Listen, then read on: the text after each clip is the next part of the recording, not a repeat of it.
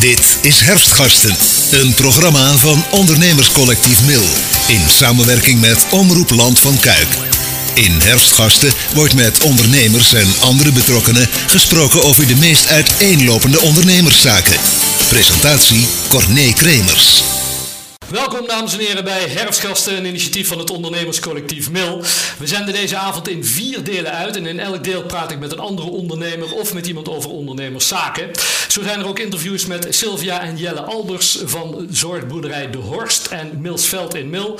Met Maarten Jillissen, wethouder van de gemeente Land van Kuik over het economisch beleid. En met Klaas Wiltink, voormalig woordvoerder, politiewoordvoerder van de politie in Amsterdam. En ondertussen is hij ook eh, communicatie- en mediatrainer. Muziek is van eh, de Eetbol Boppers. Vanavond hier in eh, de directeur in Mil. En onze volgende gast aan tafel is Willy Vloed van Technicool in Mil. Je staat in mijn telefoon als Willy Technicool. Willy veel, Technicool. veel, veel mensen kennen jou volgens mij als eh, Willy, ja, Willy van Technicool. Ja, ik denk het wel. Nog steeds, volgens mij, want ze bellen mij nog steeds. Dus, maar ik wil me op de eerste plaats even excuseren voor mijn stem. En een beetje eens met, eh, en misschien af en toe een hoesje tussendoor. Een beetje last van de verkoudheid. Ook in deze proberen. coronatijd is er een gewone verkoudheid ook Ja. nog steeds mogelijk. ja. Maar goed, als het, heel, als het dreigt het helemaal fout te gaan. eh, ik heb gezien, de Fioren is ook in de zaal. In de, Ja, in de van Pieter Kessels. En, en, en de koelingen daar zijn verzorgd door Technicool. Dus het komt allemaal goed uiteindelijk. Kijk, nou ja, dan kunnen we meteen zien hoe Ja. eh, Technicool eh, ondernemer is. Ja. Maar, maar, maar, maar laten we dan eens even teruggaan. Want eh, ja, op, op dit moment 67, maar nog wel steeds actief, toch? Ik ben op de achtergrond nog actief, maar wat sommige mensen denken, dat, of veel mensen zelfs denken dat ik eigenaar of mede-eigenaar ben in Technicool, dat ben ik al een hele poos niet meer. Eh, de huidige eigenaar is Ron van Bergen uit Kuik, Eh, maar op de achtergrond eh, ondersteun ik Ron nog steeds met heel veel liefde en plezier voor mijn vroegere bedrijf, waar Ja. ik eh, dus 24 jaar aan gewerkt heb in het verleden. Ja. Wat, wat, la- laten we even teruggaan in de tijd, Geboren en getogen in Mel? Nee, in Sint-Hubert. En wel kort tegen mij aan dus. En mijn vrouw Gerdien die komt uit Wanrooy van oorsprong. En destijds waren wij aan het zoeken naar een huis. En eh, ja, waar zouden we gaan wonen? Maakt ons eigenlijk niet zoveel uit. Maar niet in Mel. Oh, En drie weken voor het trouwen kochten we een huis aan de Heufse weg. En dan worden we nog steeds met heel veel plezier. We- Mel. In Mel. En dan worden- willen we niet meer weg. Dus Ja. kan verkeren. maar, maar hoe ben je uiteindelijk ondernemer geworden? Nou, eh, ik had altijd wel de drang om veel eh, dingen te maken of te doen. Of met dingen bezig te zijn, sleutelen. Eh hobbyist, sleutelen aan mijn eigen auto. eh, noem maar op. Het kon niet zo gek zijn. Of ik veel liever als voetballen. En eh, ik, ik had mijn HTS-opleiding afgerond. Ik had stage gelopen bij de NRF. En ik zag dat daar mooie mogelijkheden lagen. Dus in mijn eindstudeeropdracht, die heb ik ook daar kunnen volbrengen. En op het eind van die periode, en dat was eigenlijk ook een beetje waar ik naartoe stuurde destijds, werd ik gevraagd door de technisch directeur Drijver destijds of dat ik daar wilde blijven om eh, het product eh, automotive airconditioning voor hun belangrijkste filialen commercieel technisch op te gaan zetten. Nou ja, dat was natuurlijk een uitdaging als je net van school afkomt. Als je zo'n dergelijke opdracht krijgt in de eind jaren 70, Ja. eh, airconditioning in voertuigen, dat kwam hier in Nederland nog maar sporadisch voor in wat Amerikaanse auto's die geïmporteerd werden. Ja. En verder niet. Ja, dat is natuurlijk een ontzettend mooie eh, uitdaging om zoiets te doen. Eh, hij zei destijds heel eerlijk, we hebben liever, zouden liever iemand hebben met ervaring. Maar goed, die is in het vak in eind jaren was er 70 nog niet. was er in Nederland nog niet. Nee. Dus eh, we kennen jou inmiddels een halfjaartje door je stage, door je eindexamenopdracht. En we willen jou die, die kans geven. En eh, nou, ik werd een maand later werd ik meteen voor een aantal weken naar Amerika gestuurd.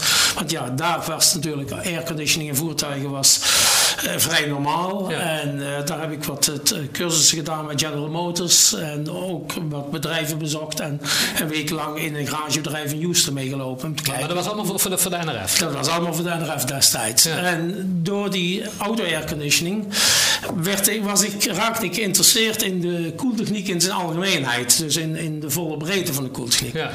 Ik heb daarom eh, vroeg ik eh, bij de NRF toestemming om een applicatiecursus koude techniek aan de HTS in de Bos eh, te gaan volgen. En was destijds al vrij kostbaar. Maar goed, daar kreeg ik toestemming voor. En om gewoon mijn kennis wat diepgaander en breder te, te laten zijn in, Ja. het, in de wereld van de koeltechniek en airconditioning. Nou, op een gegeven moment was er een oom van mij en die was melkvoorlichter bij, uh, bij Nutritia. Die kwam bij veel boerenbedrijven. Het was nog de tijd van dat het melkquotum nog niet uh, uitgevonden was. En de melkkoeltanks bij de boeren overal te klein waren. Te klein waren. En die vroeg mij op een gegeven moment: zou jij de mogelijkheid hebben om een melkkoeltank over te bouwen?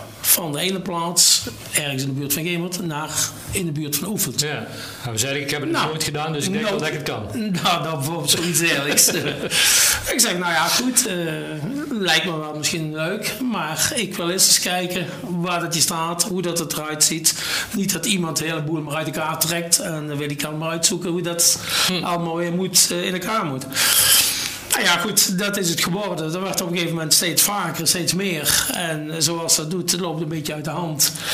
Uh, het was in het begin nog een beetje uh, beulhazerij, om het zo maar te zeggen. Ja, maar naast goed, jouw baan bij de NRF? Naast mijn baan bij de NRF. Maar op een gegeven moment komen er steeds meer mensen die op een gegeven moment ook een factuur willen hebben. En, uh, dus ik heb me op een gegeven moment ingeschreven als speciaal, uh, als, als speciaal schooltechnisch installatiebedrijf bij de Kamer van Koophandel. Aangemeld bij de belasting. En ook dus als een officieel bedrijf, naast de vaste baan, heb ik er, ben ik er dat bij gaan doen. Ja. In het begin nog, ja, sumier natuurlijk want na de NRF ben ik eerst nog tien jaar naar Duitsland geweest. Naar uh, eerste instantie Emmerich, later in Gogh.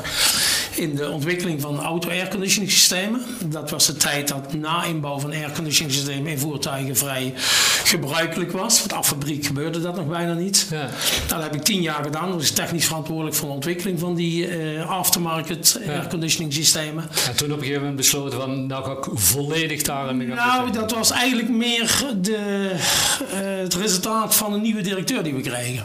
Okay. En die gaf me het setje wat ik nodig had om even over die drempel te gaan. Ik was 40 en toen die had een richting gaf die aan, zeg maar, waar ik het eigenlijk niet echt mee eens was. Nee, dan, dan begin ik helemaal van beneden. Nou, en toen heb ik gezegd, ik begin bij 40 en nu heeft nooit meer. En nu uh, ga ik er vol tegenaan. Ja.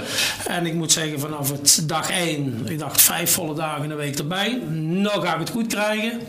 Nou hoor, ik zat meteen boordevol. Zeven dagen in de week. Ja, maar het was wel leuk. En het mooie ervan is als je dus aan een eigen bedrijf begint. Uh, je kijkt niet meer naar de klok. Ja, je kijkt wel naar de klok, mm. maar verdomme is die dag alweer bijna om. Ja. Op die manier. Ja. Het is leuk, het is hobby. Ja. Het is, dat is het herkenbare voor ondernemers, ja, ja. En uren tellen dan niet meer. En uh, je wilt gewoon iets, iets, iets moois maken. En dat is... maar, maar, je hebt dan dus die, die, die, hele, die hele cool techniek, die, die hele dingen heb je, heb je uh, mee opgezet. Dat bedrijf Technicool heb je opgezet. Maar in die tijd maakten mensen zich nog geen zorgen om de energierekening? Nee, dat deden ze niet, inderdaad. Dat klopt. Maar toch was ik al heel vaak van uh, stimuleren om, uh, om energie te besparen in de zin van warmte terugwinning. Ja. Kijk, we hebben heel veel koelapparatuur die, die gebruikt wordt bij, bij slagerijen, in winkels, in uh, boerderijen, melkkoeltanks enzovoort. Waar ik mee begonnen was met die melkkoeltanks mm. overplaatsen. En daar wordt op een gegeven moment een product gekoeld door een koelaggregaat en er wordt heel veel warmte door een condenser de lucht ingeblazen. Mm. Jammer, er wordt niks mee gedaan. Uh, toen destijds al, 25 jaar geleden zo'n beetje, 25, 30 jaar geleden, stimuleerde, ik te stimuleren bij mensen, plaats er even een boiler bij en een warmtewisselaar ervoor. En, en je kunt die warmte terugwinnen. Dus dan dachten mensen, waarom? Waarom, ja. maar om dus gas te besparen. Want ja. ook, ook, al kost gas dan geen 2,5 euro de kubieke meter of wat dan ook. Ja. En misschien maar twee kwartjes de kub. Als je de warmte gratis ter beschikking hebt. Ja. Omdat je toch aan het koelen bent. Waarom zou je dan geen warm water maken? Want uh, noem maar even de melkcontank weer. Die boeren die moeten iedere morgen en iedere avond moeten die de melk, uh, melkapparatuur moeten ze reinigen. Ja. Om de paar dagen moeten melkkoeltank reinigen. Die hebben ontzettend veel warm water nodig. Ja. Ik kwam bij een slagerij in, in Boksmeer. Die gingen compleet verbouwen. En die hadden allemaal verschillende koelingen. Met kleine condensers waar warmte afgegeven wordt. Veel van die condensers staan in de winkel. Kleine koelcellen of vriescellen staan in de winkel. Staat er overal warmte af te geven. Dan wel met verschillende aggregaatjes op het dak. Ik zeg, als je dat nou combineert op één aggregaat. Je sluit er tevens een, een vat op aan waar je dus de warmte van die, die, van die koelingen, van die compressor Ja. in die condenser eerst gebruikt om warm water van te maken, dan hoef je dat in ieder geval niet meer op te stoken met gas. Maar, maar hoe reageren mensen dan als je, als je dan op een gegeven moment dat, met dat soort idee komt? Voor, voor begin januari toen de prijzen zo hoog waren? voor begin januari toen de prijzen zo hoog waren, dat zeg je maar. Nou, ik denk dat je op een gegeven moment, als je dan uitrekende hoe relatief goedkoop het was, hm. vaak.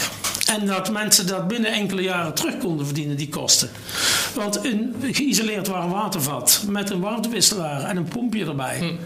het kost bijna niets.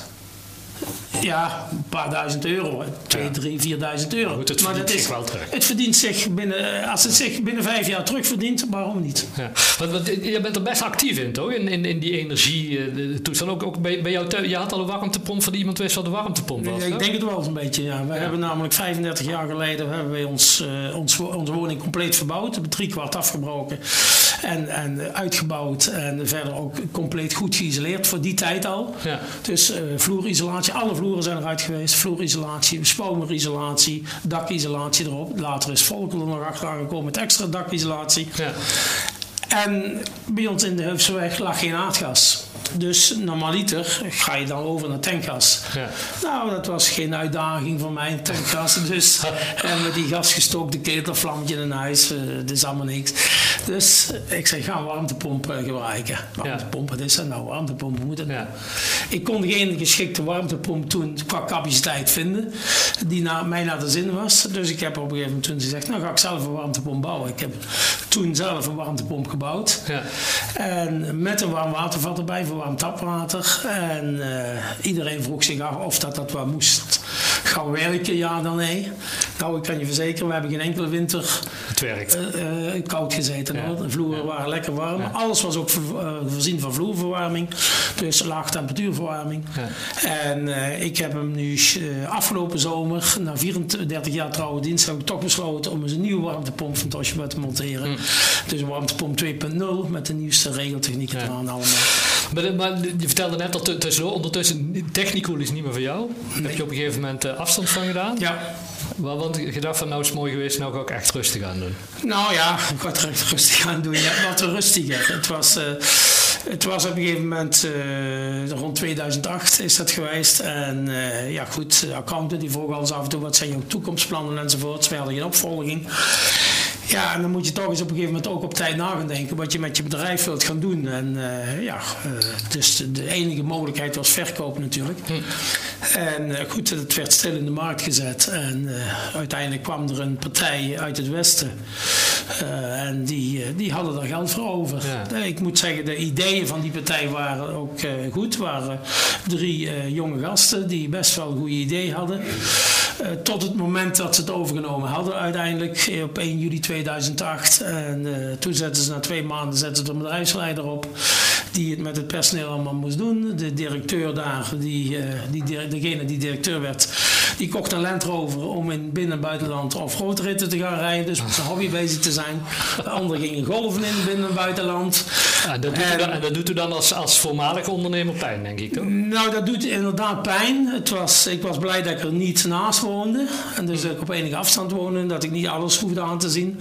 Maar dat doet inderdaad pijn als je ziet hoe dat je mooi bedrijf met een hele mooie klantenbestand, hoe dat eigenlijk vrij snel afgebroken wordt. En eh, ik moet eerlijk zeggen, ze hebben het nog vier jaar volgehouden uiteindelijk. Ehm, op het laatst, toen uh, was Ron van Bergen uit Kuik, was daar bedrijfsleider. Ron kwam van Colt af. Ja. En uh, toen zijn ze in, tweede, in, eind 2012 failliet gegaan. En uh, goed, toen heb ik met Ron ben ik om, om, om tafel gaan zitten. Ik kende Ron niet. Ik had hem eens een keer vijf minuten gesproken. Niet meer. Eh, ik ben eens een aantal uren met hem aan het brainstormen geweest. Hij had namelijk interesse om, uh, om een doorstart te maken vanuit, de, vanuit het faillissement. Ja, ik voelde er zelf natuurlijk ook wel iets voor. Uh, want het, is, het is toch altijd nog je, je kindje wat je op een gegeven moment eens een keer afgestaan had. En goed, met Ron erover gesproken. En ik heb uiteindelijk Ron geholpen om die doorstart te maken. En nog met heel veel plezier na tien jaar nu ja. dat ik hem op de achtergrond erbij ondersteun. Zometeen eh, gaan we afronden, maar ik wil nog even, want, want op een gegeven moment dan, dan, dan heb je het bedrijf niet meer, dan ondersteun je nog wel, maar dan heb je zoveel tijd over dat je denkt, weet je wat, ik ga een zonnepark doen samen met de gemeente Mil en Sint-Hubert in de Groespeel. Ja, dat was ook nog eens een... Uh Maar dat is niet. Een, een, een mooie droom eigenlijk die op de oude dag nog eventjes er voorbij kwam. Eh, ik, ik had, eh, of wij hebben daar al, al 20 jaar landbouwgrond, bijna 4 hectare in eigendom liggen. En die had de buurman altijd in gebruik, Ja. Willy Meulenpas.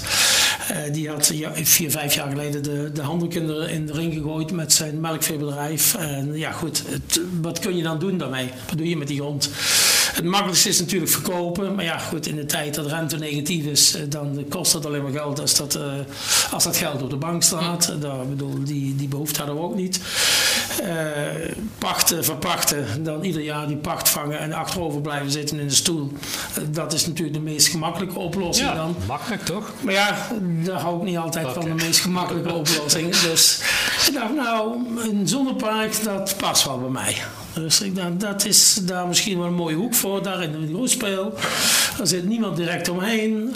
Laat ik eens even naar Jos van der Boogaard stappen. Eens Ja. kijken hoe dat de gemeente Milder tegenover staat. Die waren vrij snel enthousiast. Die wilden graag meedoen met, in dat project. En we in eerste instantie wilden we gaan, want die hadden namelijk twee hectare in, eh, in eigendom tegen dat perceel van mij aan liggen. Dus in totaal gingen we eigenlijk voor 6 hectare, 6 megawatt, eh, met één aansluiting. Maar toen zei je Nexus, nee, stop, dat doen we niet. We hebben capaciteitsproblemen op het net. Ja. Jullie kunnen wel twee kleinere aansluitingen van 1,75 megawatt krijgen. Dus oké, dan zijn we daarin verder gegaan. Vergunningen en alles, bezwaren. Dus continu alles ge, in, gespro- besproken, ook met de, met de omgeving, met de buurt. Geen enkel bezwaar vanuit de buurt gehad. Eh, eh, vergunningen zijn op een gegeven moment afgekomen. De SD plus plus is aangevraagd. En, eh, Maar? en dan, maar ja, dan komt de overheid. En, de, en je eigen overheid komt weer, de hogere overheid, de provincie in dit geval. En die zegt stop. Hoezo stop? Ja. Ja. jullie liggen daar in de hoek van het Defensiekanaal. En het Defensiekanaal is een, met kazematten is een verdelingswerk vanuit de jaren 30 voor de, voor de Tweede Wereldoorlog. Maar zeggen ze op een gegeven moment, als je er langs het kanaal loopt en je kijkt naar het oosten en het zuidoosten, dat gebied waar je overheen kijkt is van oorsprong open schootsveld. En dat open schootsveld is ook cultureel erfgoed. Ja, sorry. Ik, maar dat zegt de gemeente ook, en dat zeg ik zelf ook. Ja, hoe kun je met dat soort argumenten nog ooit verduurzamen? gaat het puur om het visuele, dat, dat het niet mag. Puur om het visuele. Maar We ja, hebben het al vaker geziende, altijd problemen. een mooi woordspel. maar goed, ik heb het tegen mijn broer gezegd die in eerste instantie die grond pachten om daar mais op te verbouwen van jaar te jaar. Ik zeg, pas op, je mag er geen mais meer op zetten, want die wordt twee meter hoog. Ja. En dadelijk komen de rusten vanuit het oosten, Ja, door die mais aangekomen. Ja. Dus die mais mag je niet meer plaatsen, je, mag, je moet het klein laag, laag houden.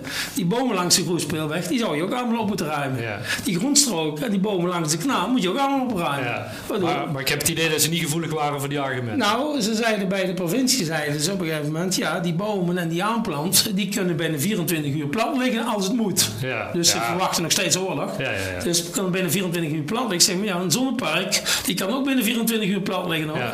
Want één atoombom een fotel en alles in de omgeving ligt ja, plat. Heel simpel.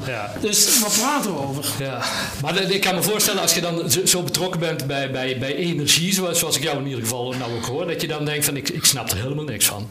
Nee, ik snap er ook helemaal niks van, eerlijk gezegd. En na twee rechtszaken, op een gegeven moment met eh ettelijke 10.000 euro's verder, heb ik zoiets van, ja, ik vind het wel wat goed. Ja. Eh, ik- zo raakte wel nog geld kwijt, maar zo was het niet de Nee, bedoeling. zo was het niet de bedoeling. En, eh, maar waarom zou ik me nou druk maken over, de, over, de, over de, een duurzame toekomst op deze manier? Ja. Je wilt iets moois doen op een gegeven moment. En dan zijn er natuurlijk altijd mensen die zeggen: ja, een ondernemer die, moet, die wil daar een project op van maken waar je eventjes gauw, gauw een hele hoop geld mee gaat verdienen. Nou, niks is eh, wat dat betreft eh eh, dus zwaar. Want als je 5% rendement haalt, dan mag je al heel blij zijn. Willy, ik vond het een fantastisch eh, verhaal. We kunnen ongetwijfeld nog een aantal eh, uren flink eh, doorpraten. Gaan we ongetwijfeld nog een keer doen. Bedankt voor jou. Hebben we het niet over warmtepompen Nee, hebben we er niet eens Ja, over even eigen warmtepompen. Ja, ja, is ja, ja. Nou, daar gaan we het de volgende keer dan nog uitgebreid over hebben. En zo meteen in onze afterparty. Ehm, want we gaan nog even naar een stukje muziek. En dan eh, zo meteen onze volgende en laatste gast van Herfstgasten 2022. De muziek is in handen van Edel Bobbers. Dankjewel. There must be da da da da, a reason for the way you were doing da da da da, yeah da da da. There must be da da da da, a reason for.